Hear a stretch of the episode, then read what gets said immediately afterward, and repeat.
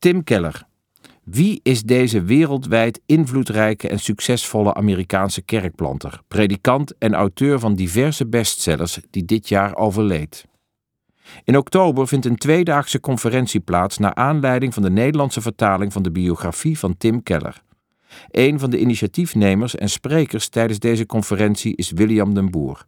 Hij is vandaag te gast in de Theologie Podcast. We spreken met hem over de betekenis van Tim Keller.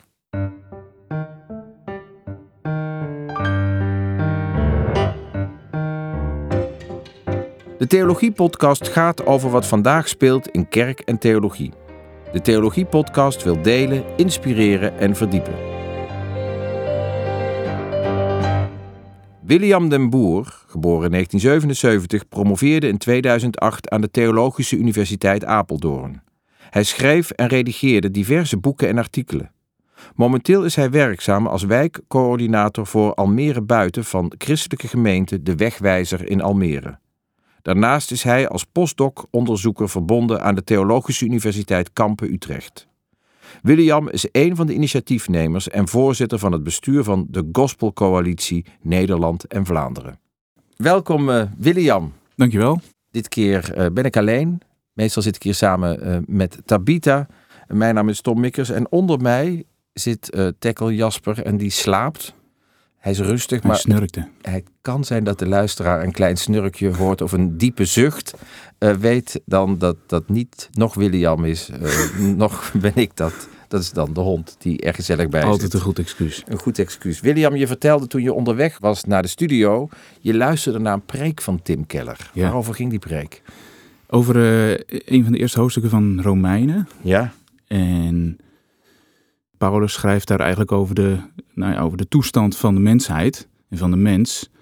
Zoals die buiten God en buiten Christus is. Uh, een mens die in zonde is. En een van de dingen die ik, uh, die ik dan weer echt Kelleriaans uh, vond in deze preek, was dat hij meteen heel erg sterk benadrukt het universele van de zonde. Hij zegt, dan ziet hij bij Paulus ook van, hij, hij, noemt voor de, voor de Joden, noemt hij dan wijst hij op uh, het leven van de heidenen in zonde.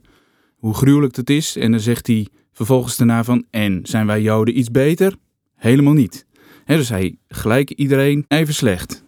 En dan komt dat evangelie daar voor iedereen op gelijke wijze komt erin. En ik denk dat is uh, al één zo'n ding in al die preken. Ik heb hem inmiddels ja, de honderden preken beluisterd van hem in de afgelopen 15 jaar.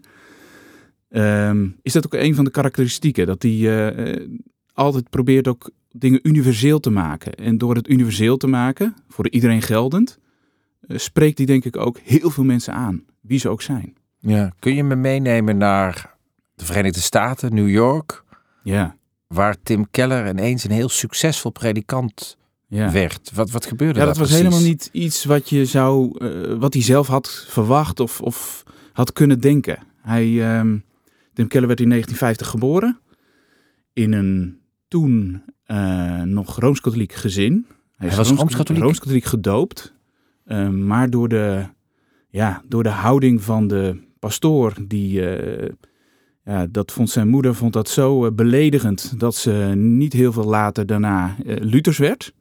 Dus vervolgens werd hij Luthers. Hij is toen de zelfs. De pastoor was beledigend. Wat had hij gedaan? Ja, hij had, omdat haar man um, protestants was, mochten ze niet in de kerk worden gedoopt. Mocht hij niet in de kerk worden gedoopt. Volgens mij was dat de achtergrond. En dat vond ze zo beledigend dat ze zei van... Uh, dan komen we helemaal van, niet. Uh, dan komen we helemaal niet meer.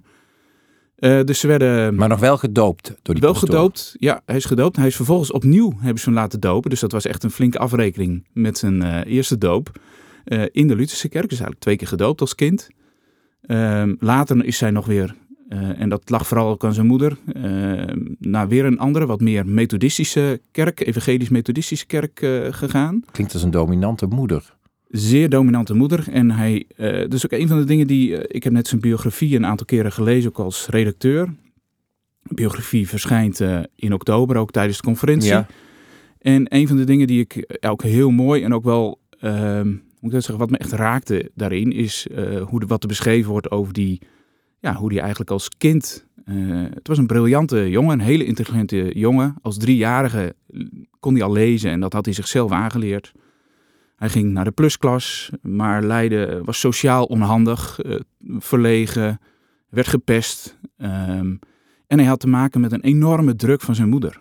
Uh, zijn moeder die was perfectionistisch en voerde eigenlijk een soort strijd ook met haar zus van wie heeft de beste zoon. en Tim moest het gaan maken. En onder die druk, ja, daar heeft hij zich heel sterk ook um, dat, dat uh, uiteindelijk zeg maar ook van, van, ja, van los moeten maken. En had het de beste worden dan ook direct te maken met geloof, kerk en theologie? Of had ja, moeder dat had zeker als zijn moeder... dat hij zo'n voetballer zou worden? Of American voetballer moet ik dan zeggen? nee, maar wel, hij moest wel zijn ouders trots maken. En onder die druk moest hij leven. Um, en dat perfectionisme, dat zat zeker ook in religieuze zin bij zijn moeder. Ja, dus eigenlijk zou je kunnen zeggen van Tim Keller die ging eigenlijk een beetje gebukt. Ja, tussen het, zat klem tussen dat perfectionisme van zijn moeder en een hele grote eenzaamheid die hij ervoer. En toen hij theologie ging studeren, had dat daar die keuze ook mee te maken? Dat dat te maken had met de eis van mama maakt mij gelukkig en trots? Nou, misschien wel. Misschien had zijn moeder wel gehoopt dat hij een hele hoge positie in de kerk zou kunnen innemen. Dat, is, dat lijkt er wel op, hè? dat hij in de kerk waar ze toen, volgens mij was dat de Evangelical Congregational Church.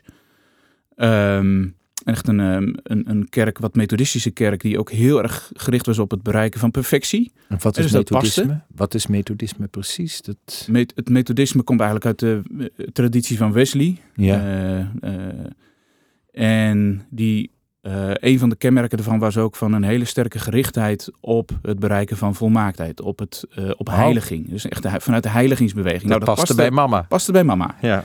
En uh, eigenlijk het, het mooie vind ik, enerzijds van, je ziet zo'n, ja, een wat schuwe, teruggetrokken, verlegen, gepeste jongen met echt wel gebuk gaat onder, die, onder dat verleden. Dat je ziet, um, enerzijds hoe dat hem nooit belet heeft om toch deze positie in te nemen. Hè? Dus hij is wereldberoemd geworden uiteindelijk. En tegelijkertijd is hij ook dezelfde gebleven. Dus als je dat boek leest en als je het een beetje kent en zijn, verhaal kent en hoe die was, je, qua karakter heeft het hem heel sterk gestempeld op een, enerzijds op een negatieve manier, anderzijds, hij is altijd een hele bescheiden, uh, hele bescheiden man gebleven. Dat heeft ook met zijn christelijke opvatting te maken misschien, maar het is wel iets wat Um, ja, waarvan je ziet van hé, hey, dat, dat is iets wat zijn leven door een rol heeft gespeeld. En een van de mooie dingen is, ook theologisch is het van belang, deze start. Je zou zeggen, een soort valse start van ja. als je zo. Uh, en toch ergens denk ik dat je bijna in elke preek dit verleden terugkomt op een positieve manier. En hoe maak je dat positief? Positief op de manier van um, dat Keller uh, een predikant is die uh, in al zijn preken de nadruk heeft gelegd op de genade van God. En dat, je, uh, dat de genade van God zo uh, in Christus zo groot is en zo rijk is en zo breed is, dat je al aanvaard en geliefd bent nog voordat je iets hebt gepresteerd. Dus die dus, imperfectie wordt eigenlijk, die is geliefd. Zou nou, je dat zo kunnen zeggen? Nou, meer in de zin van hij wordt omgekeerd van wat hij geleerd had van zijn moeder van je bent pas geliefd en aanvaard als jij goed hebt gepresteerd, dat wordt theologisch ontdekt hij dat het bij God totaal anders ligt. Dat jij voor God al geliefd en geaccepteerd bent, nog voordat jij iets hebt gedaan. God is de moeder die hij nooit heeft gehad. Nou, zo zou je het misschien kunnen zeggen, ja. Dus die, uh, ik vind dat dan heel mooi als je zo'n biografie leest. Uh, dat je dan ziet dat zelfs zulke dingen als die kinderjaren, dat die, um, ja, als ik het zo inschat, en dat is mijn, natuurlijk mijn uh, psychologie van de koude grond misschien, maar... Hij is wel interessant. Dat je denkt van, hé, hey, zou dat niet hem heel sterk ook tot, tot diep in zijn theologische ja. haarvaten hebben gestempeld? Hij is ook heel succesvol als predikant. Hij ja. weet in New York een, een, een grote gemeente uh, te stichten. Om hem heen gebeurt er van alles. Kun je dat beschrijven? Waar, ja, waar gebeurt dat precies? Waar, waar, waar wordt hij succesvol? Ja, hij is eigenlijk. In dat opzicht. lag helemaal niet voor de hand toen hij afstudeerde. Uh, hij kreeg een zes uh, voor zijn homiletiek, hè, terwijl hij later is hom, uh, hoogleraar homiletiek geworden. Homiletiek um, is de ehm, preekunde. De preekunde, ja. Um, Welk jaar hij studeert af in? Ongeveer... Hij was 1950, dus hij is van, vanaf 68 tot 72 heeft hij zeg maar een soort vooropleiding, de liberal arts opleiding aan Bucknell. En daarna is hij vier jaar theologie gaan studeren aan het seminarie in, eh, dat was in Gordon Conwell eh, Seminary. Ehm, en daar krijgt hij dus eh, dit soort cijfers. En, en juist ook vanwege zijn dat hij sociaal nogal onhandig was. Ja. Hij was briljant, dat wist iedereen. De studenten om hem heen ook. Ehm, hij was intelligent. Studenten die leerden soms meer van hem dan van zijn docenten. Omdat hij na de colleges altijd even een soort samenvatting gaf. Waardoor ze zeiden van, oh, maar nu snappen we waar de docent het over had. Ehm, dus dat, ook dat is iets wat hem... eh, die professor is hij ook altijd gebleven. Maar die sociale die- onhandigheid weet hij om te buigen in iets heel charismatisch, want hij weet een organisatie op te bouwen. Ja, maar... ehm, Tenminste, eh, w- wanneer komt hij in New York aan? Nou, hij, hij wordt eerst negen jaar. Ja. eh, krijgt hij een soort. eh, want eerst ging je. Hij leert ook zijn vrouw kennen, Cathy Keller. Is ook, Ja. een, eh, ook een begaafd theologe eh, aan diezelfde Gordon Conwell. Ehm, heel bepalend ook geweest voor zijn verdere levensloop. En zij besluiten nadat ze klaar zijn, omdat ze zeggen: ja, wij maken eigenlijk geen kans in de PCA. Ze waren net lid geworden van de Presbyterian Church of America. We zeiden: ja, wij maken eigenlijk nauwelijks kans daar. Wie wil ons hebben? Dus ze gingen bij de post werken. Bij de post? Bij de post. En toen kreeg hij een verzoek van, nou zou je op misschien... kantoor of, of post sorteren of nee, rondbrengen. postbezorger. Postbezorger. Hij bracht pakketjes. Samen. Hij wilde, ja, hij bracht pakketjes. En toen kreeg hij een verzoek van iemand die zei van, nou zou je een kerk in Virginia willen helpen? Nou, Virginia, eh, Virginia of, ehm, of New York, dat ligt echt verder uit elkaar, Ja. kun je het niet bedenken. Een oude chemische eh, stad waar, met chemische fabrieken, allemaal arbeiders. ehm, hij had in zijn kerk waar hij toen terecht kwam, eh, twee mensen die de HBO hadden gedaan, zeg maar. En dan hield het op. En daar moest deze begaafde, briljante, die mocht daar beginnen voor drie maanden, proef, zeg maar, een soort van, nou, als een soort interim. Hij zegt, nou, weet je, als het bevalt, dan word je misschien wel aangenomen. Nou, hij kreeg inderdaad eh, het verzoek om te blijven. Hij is er negen jaar gebleven, heeft daar keihard gewerkt, heeft daar ook leren preken, hij heeft daar pastoraat geleerd, heel dicht bij de mensen leven. Ehm, en misschien dat hij daar iets van zijn verlegenheid misschien ook wel verloren is En zijn roeping vond misschien. en zijn roeping vond. En, en ook nou ja, heel sterk eh, leren om op een hele andere manier dan in New York, maar om te contextualiseren. Om zijn, ja, wat hij al gauw merkte was van ja, met, met allerlei geleerde praat en hoge, hoogdravende theologie kom ik hier niet ver. Dus ik moet mij echt gaan aanpassen aan mijn gehoor hier, die eenvoudige dorps, ja, eigenlijk een soort eh, dorpsbevolking, dorpse bevolking. En eh, ik moet gewoon met de mensen meeleven. Ja, hij, ging, hij bezocht de parties, hoe heet dat, dat meisjes 16 jaar werden, werd verwacht dat de pastor op bezoek kwam. Ehm, hij eh, ging mee, hij leidde begrafenissen, hij zat aan ziekbedden en sterfbedden en zo. Heel Dat heeft betrokken. hem sterk, sterk ehm, gevormd in die tijd. Uit zijn hoofd werd hij getrokken. Uit zijn hoofd, naar de grond, naar het Ja. hart. En vervolgens werd hij, vijf jaar lang, is hij hoogleraar geweest eh, aan Westminster Theological Seminary. Terug naar het hoofd. Eigenlijk weer terug naar het hoofd. Hij ging ook studeren. Hij, werd, eh, hij is gepromoveerd in die tijd, in de laatste jaren van eh, Virginia. En toen kreeg hij het, toen hij daar was, en hij was, zat in de praktische theologie en hij was ook betrokken bij missie. eh, en toen werd hem gevraagd van, hey, we willen een kerkplan doen in New York. Nou, New York was niet het, in 1987 was dat. New York van 1987 is niet het New York van nu. New York van 1987, moet je voorstellen dat de eh, decennia daarvoor was de criminaliteit was verviervoudigd. Het aantal moorden was van, nou, ik noem maar iets, eh, 800 per jaar naar eh 2500 per jaar gegaan. Iedereen had het gevoel, je moet uit New York weg. Eh, het is daar vreselijk, het is daar crimineel, eh, je hebt er geen leven. Het is daar, eh, eh, hoe heet dat, de, de criminaliteit regeert. En tegelijkertijd had je natuurlijk ook wel het grote zakendistrict, Wall Street, eh, de grote rijke York, mensen. Ja. Mensen waar, ja, het is natuurlijk een wereldstad. eh, vele miljoenen, ik geloof 16 miljoen mensen. En Eh, geloof, qua geloof En was qua New geloof York, de was meest vruchtbare seculiere- grond of de was het meest seculier? seculiere stad van eh, Amerika. Eigenlijk een voorloper als het gaat om het verlaten van het geloof. Je kwa- kwam daar niet om te geloven. Mensen die daar kwamen en die christen waren, zeiden ja, onder de 85 heb je hier geen gelovigen. Het was geloof ik Een 1%, soort Nederland. 1% Randstad. evangelicaal. Eh 5% misschien, eh, of 3, 3 tot 5% dat eh, nog eens een keer een kerk bezocht. En dat was in het Amerika van toen, ja, volgens mij lag het op 30, 35 procent eh, elders. Dus dat is een totaal andere situatie. En dan komt hij uit zo'n gelovig uh, plattelandsdorpje. Helemaal klaargestoomd. Helemaal niet uh, bekend met de stad. Een hoogleraar. En hij wordt eigenlijk gevraagd van ja, er moet daar een kerkplant komen. En er was wel iets gaande daar.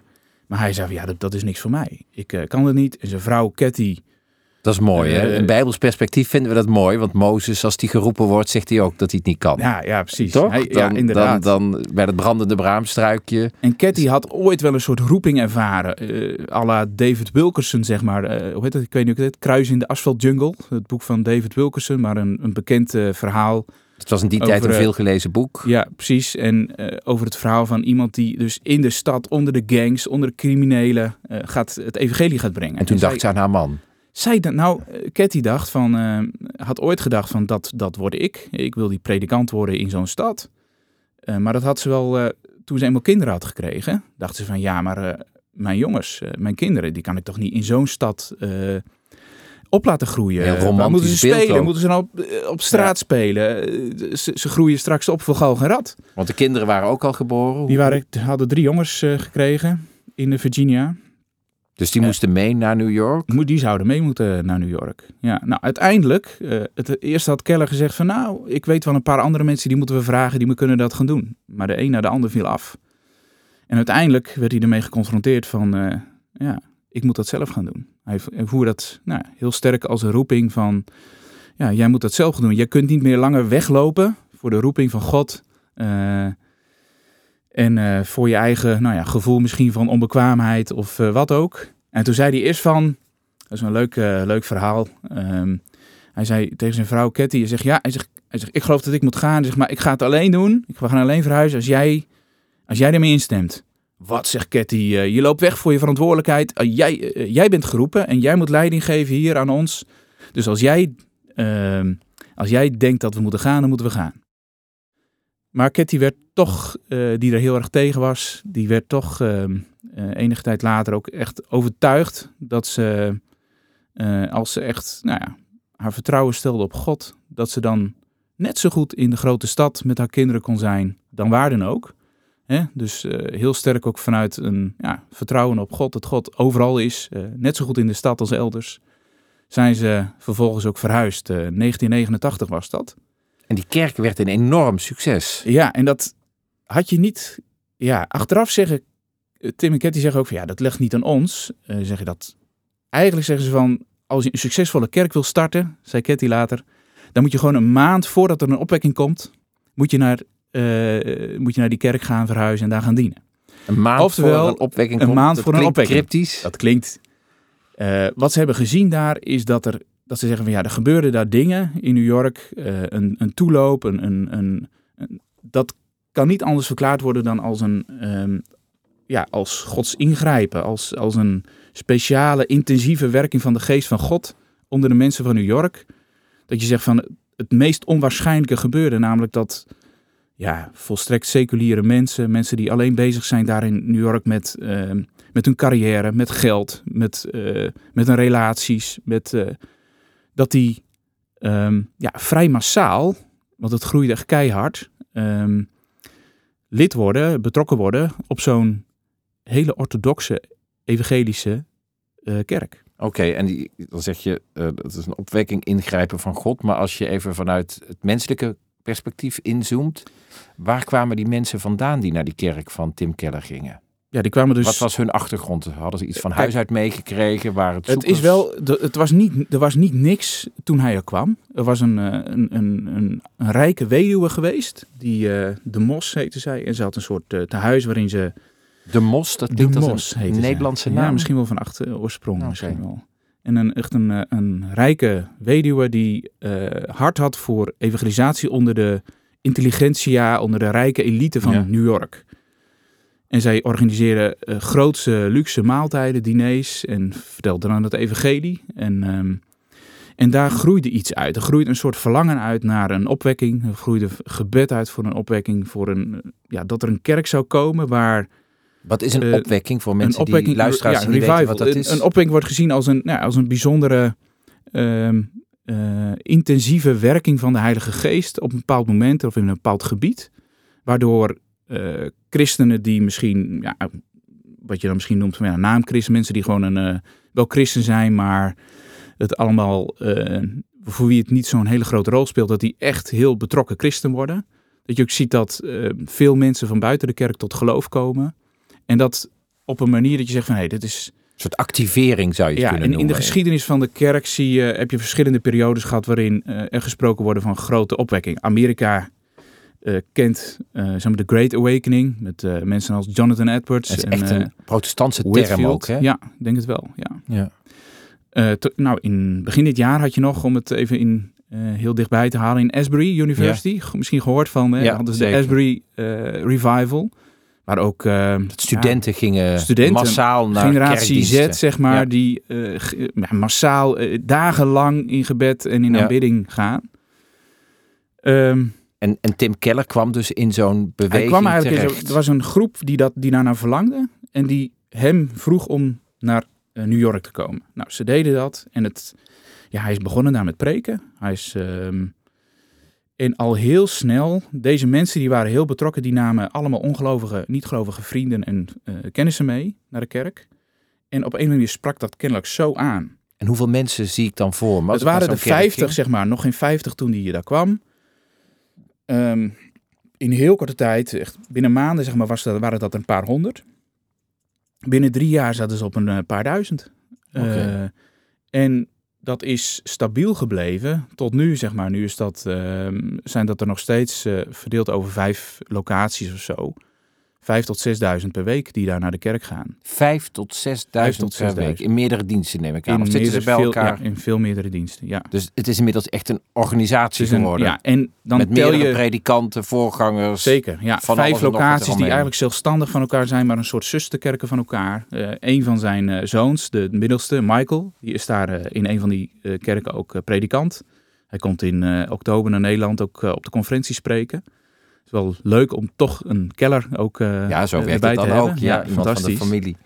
Ehm, eh, maar dan reken je nog niet mee dat tijdens zijn bediening in New York ook tientallen andere kerken zijn eh, gestart, die dan niet bij de Redeemer-familie horen. De Redeemer is zijn Redeemer kerkgenootschap. Presbyterian Church is zijn kerk in.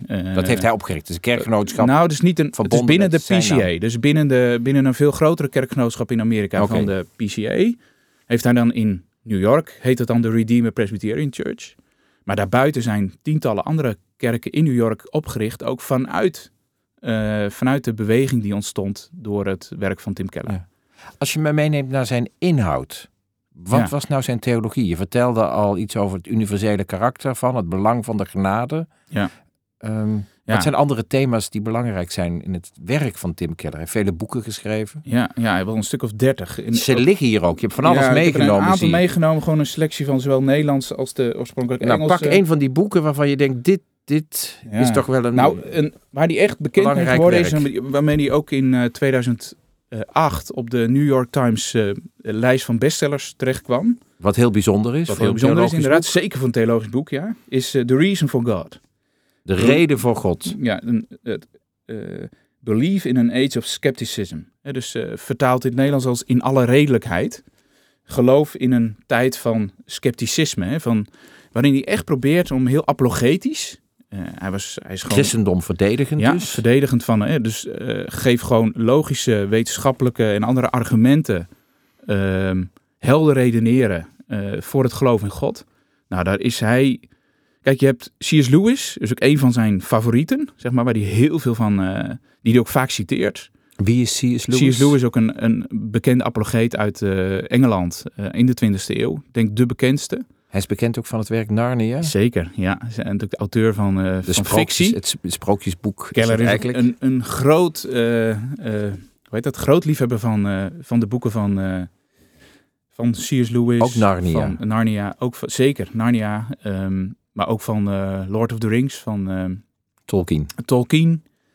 Eh, maar ook bijvoorbeeld de Harry Potter serie vond hij eh, heel mooi. Dus ik, eh, Wat wel- opmerkelijk is, want misschien wel in, opmerkelijk, in ja. gelovige kring vonden sommige mensen dat weer ingewikkeld. Ja, maar hij, hij zag daarin echt, eh, zeg maar, hele duidelijke bijbelse waarheden, zeg maar, die... eh, Goed die zag hij daarin op een van goed en kwaad en hoe, er, eh, ja, hoe daarmee over geschreven wordt, eh, zag hij daarin vertolkt.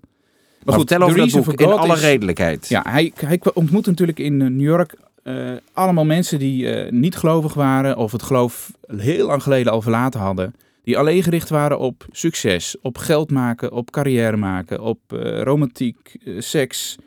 maakt niet uit. En hij ging met die mensen in gesprek. Als er iets is wat Tim Keller kenmerkt, dan is het zijn enorme vermogen om te luisteren. Ehm, waar hij echt van, van jongs af aan een keien was, was het, het zo beluisteren van de ander en die ander zo serieus nemen, dat als hij het samenvatte van, hey, volgens mij geloof jij dit of vind je dat, dan zei die ander van, ja, je weet het nog beter te verwoorden dan ik zelf zou kunnen. Dus een ander voelde zich volstrekt recht gedaan, ge- geaccepteerd, gerespecteerd door de wijze waarop hij zich verdiepte in het standpunt van de ander. Hij is ook een groot eh pleitbezorger van eh, ja, gooien in de cultuur. In de, in de, als predikant ook en als, eh, als je missionair bezig wilt zijn, dompel je helemaal onder in de, ja, in, eigenlijk in de seculiere cultuur. Maar ga de naast films. mensen zitten. Maar ga Dus. ernaast zitten. En veroordeel niet. Luister ze. En ook vanuit wat ik net al zei over dat universele van de zonde bijvoorbeeld, had hij ook theologisch, maar ook qua karakter, hij had gewoon geen enkele superioriteit ten opzichte van wie dan ook. Hoe ongelovig, hoe zondig, eh, tussen aanhalingstekens ook, iemand ook was. Wat mensen merkten was van, jij verhef je op geen enkele manier boven ons. En hij kwam nooit met het vingertje. Hij kwam nooit met het vingertje. Dat is wel knap. Vanuit, altijd, ehm, altijd vanuit het evangelie. Dus altijd vanuit, we zijn, niemand is beter dan de ander. Ehm, we moeten het allemaal 100% hebben van de genade van God. Ehm, en Gods genade komt tot ons allemaal universeel even krachtig. En, eh, en ik heb geen enkele manier, eh, geen enkele reden om mij te verheffen, bijvoorbeeld als christen boven een niet-christen. Integendeel, er komt ook een stukje eh Kuiperiaans denken ook nog weer om de hoek. Hè. Dus eh, hij is erg beïnvloed ook door mensen als Abraham Kuyper en Bavink. Het neocalvinisme, Nederlandse theoloog. Nederlandse theologie. En een van die dingen is ook de leer van de algemene genade. Hè? Dat Gods algemeen, genade algemeen tot alle mensen komt, of ze nou christen zijn of niet. En dat gaf Keller ook heel veel reden om eh, mensen die niet geloven, eh, toch eh, zeg maar zijn uiterste best altijd te doen om eerst alles te waarderen en te respecteren en positief te benoemen, zeg maar, in wat die ander vond. En, En, en- pas dan zeggen van, hé, hey, jij gelooft dat en dat is mooi. Jij streeft dit of dat naar, dit is jouw hoop, dit is jouw verlangen. En zeg maar, ehm, en, dat, en dat vind ik ook terug, als dat kon, zeg maar, dan maakt hij een verbinding met de Bijbel. Die zegt, met het, in het christelijk geloof hebben we datzelfde verlangen, Ja. hebben we diezelfde hoop, hebben we soms dezelfde angsten. Maar is jouw denken nou echt consistent? Dus hij probeerde vervolgens iemand van binnenuit uit te dagen om zijn eigen denken onder de loep te nemen, kritisch. En, en zegt van- handelen denk ik ook, niet alleen denken. ja, maar, ja, inderdaad. Maar ook wel vanuit... ehm, ehm, kun je dit nou vol blijven houden als je eerlijk bent? Of kijk nou eens naar eh, wat jij ook vindt. Dat klopt toch niet met dat andere? Dus hij probeert iemand ja, op een positieve manier eerst te waarderen ehm, wat iemand vindt, wat die, waar iemand dat achter staat. Om vervolgens uit te dagen om te kijken van... En kijk nou eens naar het christelijk geloof. En als je Is dit dat nou- niet wat jij echt verlangt? En als je dit nou relateert aan de hete hangijzers eh, van de seculiere samenleving, die al- Mhm. althans die in de kerk en het christendom vaak ingewikkeld zijn, de vrouwen, het ambt, Hmm. eh, de wetenschap, de rol van de wetenschap, Hmm. eh, homoseksualiteit, thema's die denk ik in een stad als New York gewoon om je heen Op straat liggen. op straat liggen. Ja. Nam hij dan een oordeel in of was hij meer... van- Nee, en ik denk welke dat- richting was hij? Zou hij zijn handtekening onder de Nashville-verklaring gezet hebben? Heeft of, hij niet gedaan. Of, En dat typeert hem denk ik wel, omdat hij... ehm, ik denk dat hij er inhoudelijk op een heel, heel eh, sterk, zeg maar, uiteindelijk met conclusies eens is. Hij nam een orthodox standpunten in als het Bij gaat om seksualiteit, thema's, ook ja. bij deze thema's. En dat is hem ook wel kwalijk genomen, of mensen hebben dat niet begrepen van hem. Ehm, maar wat eh, Keller denk ik onderscheidt van heel veel anderen op dit punt, is dat niemand hem ooit heeft kunnen verwijten dat hij zich daardoor verhief boven een ander. Of dat hij daardoor een ander neerzette als zondig of slecht of verkeerd of fout. Ja. Ehm, ik, ik las gisteren nog iets ehm, van iemand die. Hij kreeg een hele kritische vraag. Eh, hij hield altijd na afloop van zijn preken. Hield hij eh, QA-sessies. Waarin mensen alle vragen los en Vraag- vast en konden stellen. antwoordsessies, ja. Ja. En nou, hij kreeg daarin eh, ook vragen hierover. Hè, van, eh, en wat denk je over homoseksualiteit? En wat denk je daarop? Dat zei van... ehm, dat hij bijvoorbeeld dan ook probeerde niet alleen... Nou ja, iedereen wist van dat hij op een hele respectvolle manier... zonder zich te verheffen... eh, ehm, ehm, met, deze, met mensen om kon gaan met wie het dus volledig oneens was. Maar dat hij ook bijvoorbeeld zei van... als het gaat om eh, homoseksualiteit dat ik las gisteren nog iets van hem dat hij, dat hij had geantwoord van eh, dat iemand vroeg van hoe, hoe zou je nou ingaan op iemand eh, met iemand die homoseksueel is en die je dan vraagt van hé, hoe moet ik daar, daarin staan? Die zegt van ik zou eerst vragen, zegt hij, geloof jij ook net als ik in dat Jezus daadwerkelijk uit de doden is opgestaan? Dus terug naar het geloof. Terug naar het geloof. naar het En terug naar de basis. Zeg van, eigenlijk denk ik dat hij daarmee wilde zeggen. Ik weet niet wat hij verder heeft geantwoord. Ehm, van alles bepalend is de vraag of wij staan, staan op hetzelfde fundament van het christelijk geloof. Of wij, als wij allebei geloven dat Jezus uit de dood is opgewekt, dan biedt dat zo'n ander perspectief op het leven en op hoe je in het leven staat. Ehm, dat is fundamenteel voor de vraag hoe je over al die andere ook ethische thema's denkt. En hoe je het dus tot, tot elkaar als mensen Hoe je, ja, inderdaad. Dus dat, stel dat die ander zou zeggen van ja, ik, ben, eh, ik heb een totaal andere opvatting over homoseksualiteit. En ik geloof niet dat Jezus werkelijk is opgestaan. Dat Keller zou zeggen ja, maar moeten we het dan over homoseksualiteit hebben? Of zullen we het dan eerst eens over het geloof hebben? Zullen we het eerst eens hebben over wie God is? Dat is En een mooie aanvliegroute, want daarmee zeg je ook, het is eigenlijk een...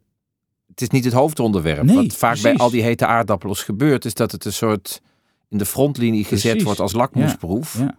Ten koste vaak ook En van dat hij mensen. zegt van op het moment dat wij het erover eens zijn dat Jezus uit de dood is opgewekt. En dat daarmee ons hele, eigenlijk alles op zijn kop komt te staan.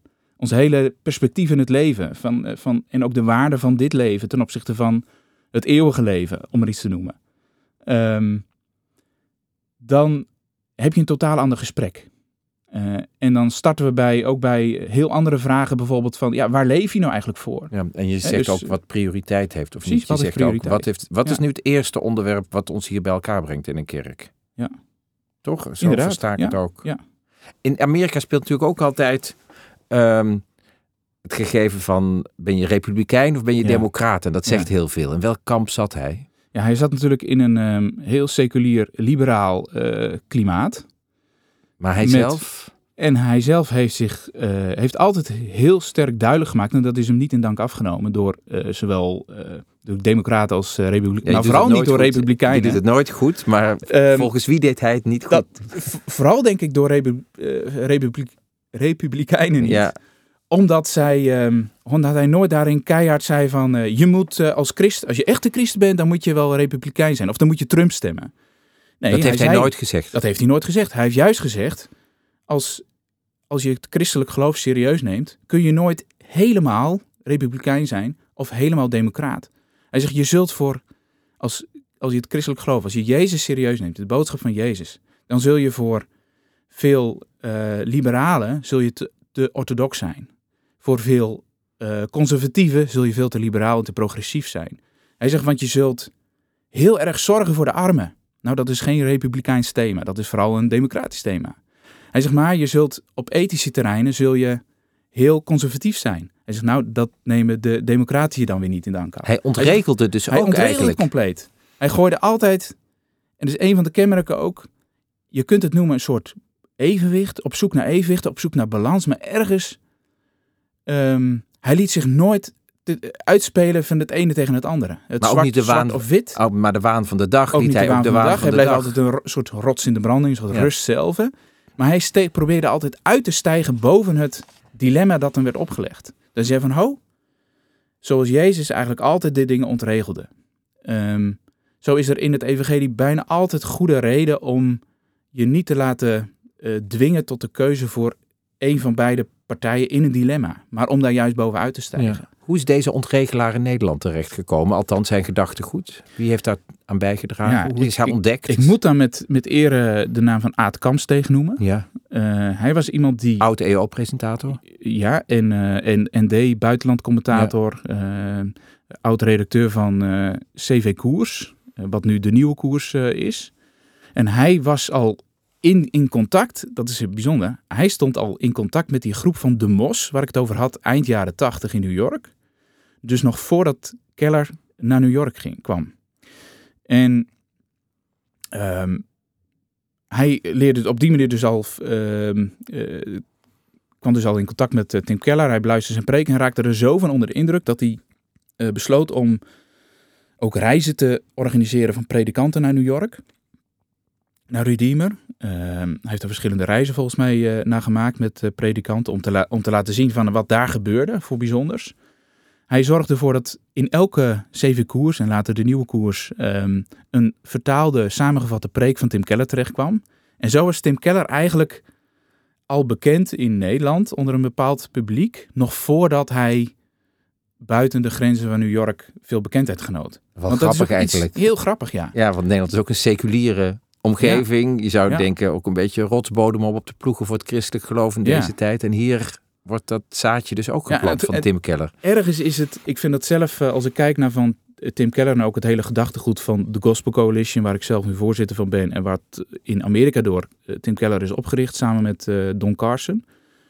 Het, het opmerkelijke is, als je dat zet in de, zeg maar in de Nederlandse traditie, heb je eigenlijk ehm, wat in Keller bij elkaar zit, namelijk een orthodoxe theologie, gecombineerd met een hele grote openheid naar de cultuur en het bereiken van, en een hele grote bereidheid om, zeg maar, in vorm en in denken en ehm, in, eh, ook in culturele vormen, zeg maar, ehm, de ander op te zoeken waar die zit. Ehm, Maar ook een attitude dus, die heel belangrijk is in een seculiere context voor die- het christelijk geloof. die openheid voor de cultuur en voor contextualisatie, hè, om, het, om het evangelie niet onnodig eh, zeg maar, drempels op te werpen voor het evangelie. Ehm, in Nederland ligt het heel moeilijk. Je merkt aan de ene kant zeg maar, binnen de eh, wat meer reformatorische, orthodoxe eh, kant in Nederland dat mensen wel waardering kunnen hebben voor een orthodoxe theologie van Tim Keller. Maar dat ze zeggen van ja, hoe kun je dan tegelijkertijd ehm, in je diensten en in je hele eh, culturele uitingen zo werelds zijn. Dat wordt dan als heel werelds gezien. Anderzijds heb je wat meer eh, liberale, progressieve christenen in Nederland die zeggen van ja, die contextualisatie en dat open voor de cultuur van dat Goed vinden zo. we prachtig. Ja. Maar eigenlijk moet hij niet zo orthodox zijn. Hè? Dus die hebben dan een hekel aan zijn eh gereformeerde orthodoxie. En persoonlijk ben ik van mening, eh, en dat is ook een van de redenen waarom ik samen met anderen zeg maar, me in heb gezet voor het op, nou ja, om de Gospel Coalition ook hier. Want de Ehm, Gospelcoalitie is een groep die het werk van Tim Keller hier in Nederland. nou, het is niet alleen het werk van Tim Keller, maar het is wel heel sterk eh, het, het denken van Tim Keller wat, ehm, wat daarvoor vormend is geweest, omdat hij het ook heeft opgericht. En wat in Amerika een grote, eh, best wel een grote groep is geweest. Binnenkort is er weer een conferentie, er komen echt duizenden, vele duizenden mensen naartoe. En wat wereldwijd eh, enorm invloedrijk is geworden via de website. En wat ook wereldwijd zorgt voor allemaal ja, nationale chapters eigenlijk, eh, nationale afdelingen van Want jij bent eigenlijk voorzitter dus van zo'n nationale afdeling, Ja, van van zo'n groter internationaal verband. Dus die Ja. Gospelcoalitie of coalition is vanuit de Amerika ontstaan. Tim Keller ontstaan. Ja. En jij bent de afdeling Nederland. Klopt. Althans, daar ben je de voorzitter van. En een van de dingen is juist ook die combinatie van die twee dingen die eh, ik zei van hey, hou vast aan een orthodoxe theologie. Het is prima mogelijk. Keller heeft het ook eh, in New York zeg maar laten zien. Dat je prima heel orthodox kunt zijn. Ehm, zowel in je theologie als in je ethiek. En toch zeer open naar de cultuur. eh, zeer, ehm, en dat heeft ook wel met zijn karakter te maken. Dus ook iets wat je probeert natuurlijk om je, ehm, ook zijn karakter laat hij voeden door het evangelie. Door, de, door wie Jezus was en de genadevolle houding en de nederigheid. Je zegt van het evangelie verlos je van trots. Het, brengt je nederigheid en tegelijkertijd een grote zelfverzekerdheid. Ook een grote eh, Stevigheid. stevigheid. Eh, omdat je aanvaard en geliefd bent, veel meer dan dat je had durven hopen. Ehm, juist om die, de kracht zit volgens mij juist in de combinatie van die twee. ben je fan van zijn werk? Ik ben behoorlijk, ja, ik, Fan ja, van de man? Was je Ik- verdrietig toen hij overleed? Laat Zeker. zo Ja, dat, heeft, dat raakte me wel, ja. Ja, wat, Ja. Wat, wat Ja. gebeurde er toen? Waar was je toen je het hoorde? Ehm, dat weet ik eerlijk gezegd niet meer. Ik, was, ik had het wel. eh, ik wist dat hij eh, op sterven lag. eh, en ja, dan reken je natuurlijk op van één deze dagen, dan hoor je dat bericht. Hij is dit jaar overleden. En ja, 19 mei is hij overleden. En ik moet zeggen dat ik. Het, raakte me ook wel. Ik vind me ook een beetje verbaasd over wat dat dan met je doet. Want ik heb hem één keer, vier jaar geleden, 2019, 10 minuutjes ontmoet op een vliegveld in Amerika, Indianapolis. In het even, echt? Even gesproken, echt. Even een hand gegeven. En, en Eh. daarna trilde je nog even na? Of, of dat je dacht, eh, even Nou, mijn handen dat tijdje niet wassen? Dat is al iets, eh, dat is wel bijzonder. Als je dan, als je zelf vanaf 2007, toen hoorde ik hem voor het eerst echt in, eh, in New York in de kerk. Toen was ik, wist ik eigenlijk nog niet wie het was. En vanaf dat moment ben ik zijn preken gaan beluisteren online. In de ban van? En eh, ben ik zijn boeken gaan lezen. Eh, ben je bezig gegaan met die, de Gospel Coalition. En eigenlijk zou ik hem een soort, ja, voor mij wel een soort geestelijke vader noemen. Van, hij heeft me theologisch, maar ook geestelijk gevormd. Zijn denken, zijn En spreken. menselijk, denk ik. Menselijk. Ik denk ook... En je eh, kwam hem tegen. en ik kwam hem vliegveld. tegen. En Was, daar, was dat toevallig of was dat, dat was gepland? vra- Ik wist wel dat hij op hetzelfde vliegveld was. Ik had hem graag willen ontmoeten. Dat was niet gebeurd. En eh, ik ging naar de toilet en toen kwam hij er net vanaf. En toen eh, zei ik, nou, eh, toen hebben we even gesproken. Ik heb hem Een even... nederige plek om elkaar te ontmoeten. Precies. Eh, ook wel weer typerend wat toen gebeurde. Hij is een reizige man. Hij is 1,93 meter. Ja. Kale hoofd. En ik stond er bij hem te praten. En ineens kwam er een, er kwam een, een, een andere bezoeker van de conferentie, waar we net vandaan kwamen. Die kwam op hem af, haast, haast kruiperig van... Please, mag ik alsjeblieft een foto met u maken? enzovoort. En dat wees hij heel beslist en vriendelijk af. Hij zegt, ik doe niet aan dat celebrity gebeuren. En dat heeft hem ook altijd gekenmerkt. Er is altijd die bescheiden, wat teruggetrokken man geweest die echt heel erg benauwd was voor van het moet niet om het gaat niet om mij. Weet je nog wat Eh, jij met, met hem besprak? Ik weet nog wat ik met hem besprak. Ik heb verteld dat ik ik was toen eh, projectleider eh, voor permanente educatie aan de Theologische Universiteit in Kampen. En ik heb hem uitgenodigd om eens naar Nederland te komen. Ik zei van, ik dacht nou, dat is mijn kans om hem persoonlijk uit te nodigen. Om, hij was nog eigenlijk, hij is nog nooit, hij is, uit, hij is wel eens in Nederland geweest, maar meer omdat zijn zoon hier gestudeerd heeft, Michael, aan de VU, is hier gepromoveerd. Ehm, maar hij heeft hier nooit gesproken. Eh, en ik vond het wel echt tijd om, eh, om hem eens in Nederland te halen. Ehm, en hij wilde dat, was er zeker heel vriendelijk over. En hij verwees mij door naar zijn eh, persoonlijke assistent. En maar uiteindelijk heb ik daar ook mee gecorrespondeerd. Is niet gelukt. Maar besloot hij uiteindelijk van ja, Keller heeft het te druk met. Hij zei: Ik moet doorgaan met mijn bediening in, Ja. in New York. Daar ligt mijn taak. Eh, Ik ben niet geroepen om de wereld over te reizen en overal lezingen te geven en de gevierde man te zijn. Ehm, ik moet gewoon hard aan het werk. dus je, En dat is een beetje weer, ook weer typerend voor zijn houding. En- maar ook hoe die, die man dus ja, afwees of zei maar, joh, eh, nee, liever niet zo'n foto met mij, want dat zou alleen Ja. maar, dan zou het alleen maar gaan om mij. En het gaat niet om mij. en, en hij overleed en je moest aan dit moment terugdenken. Zeker. Ook, ehm, maar ook dat ik dacht van, eh, wat gek dat je je zo verwant, zo verbonden kunt voelen met iemand die je ooit dan tien minuutjes heeft gesproken. Hij zei toen wel, toen, ik, toen we afscheid namen, zei hij, I will remember you, zei hij. I will remember. I will remember you. Ik heb vaak aan teruggedacht dat ik dacht van, hm, zou dat ook echt gedaan hebben? en waarom zou hij dat gezegd hebben? Ehm, Maar wel mooi dat jij dus nu, I will remember you, zo betrokken bent bij die conferentie die nu zeker. in ja, oktober dat- gaat dat plaatsvinden. mooi, dat ja. is wel een heel mooi Ja. bruggetje Ik naar heb- dat Precies, wat jij heb- nu doet. I will remember you. Ja, ik heb zoveel van hem geleerd. eh, dat ik zeg van ja, hij is een, eh, meer dan wie dan ook een, toch een geestelijk vader voor me. Theologisch, geestelijk, persoonlijk. Ehm, een groot voorbeeld voor En- hoe, je, hoe ik nu ook mijn, ja, mijn eigen bediening in Almere eh, probeer vorm te Misschien is geven. dat wel het antwoord dat je hem in gedachten gaf toen hij tegen jou zei I will remember you. Ja. En I will, I William, I Ja, will zeker. remember you. Dat geef jij nu vorm in jouw werk en op die Absoluut, conferentie. Dankjewel.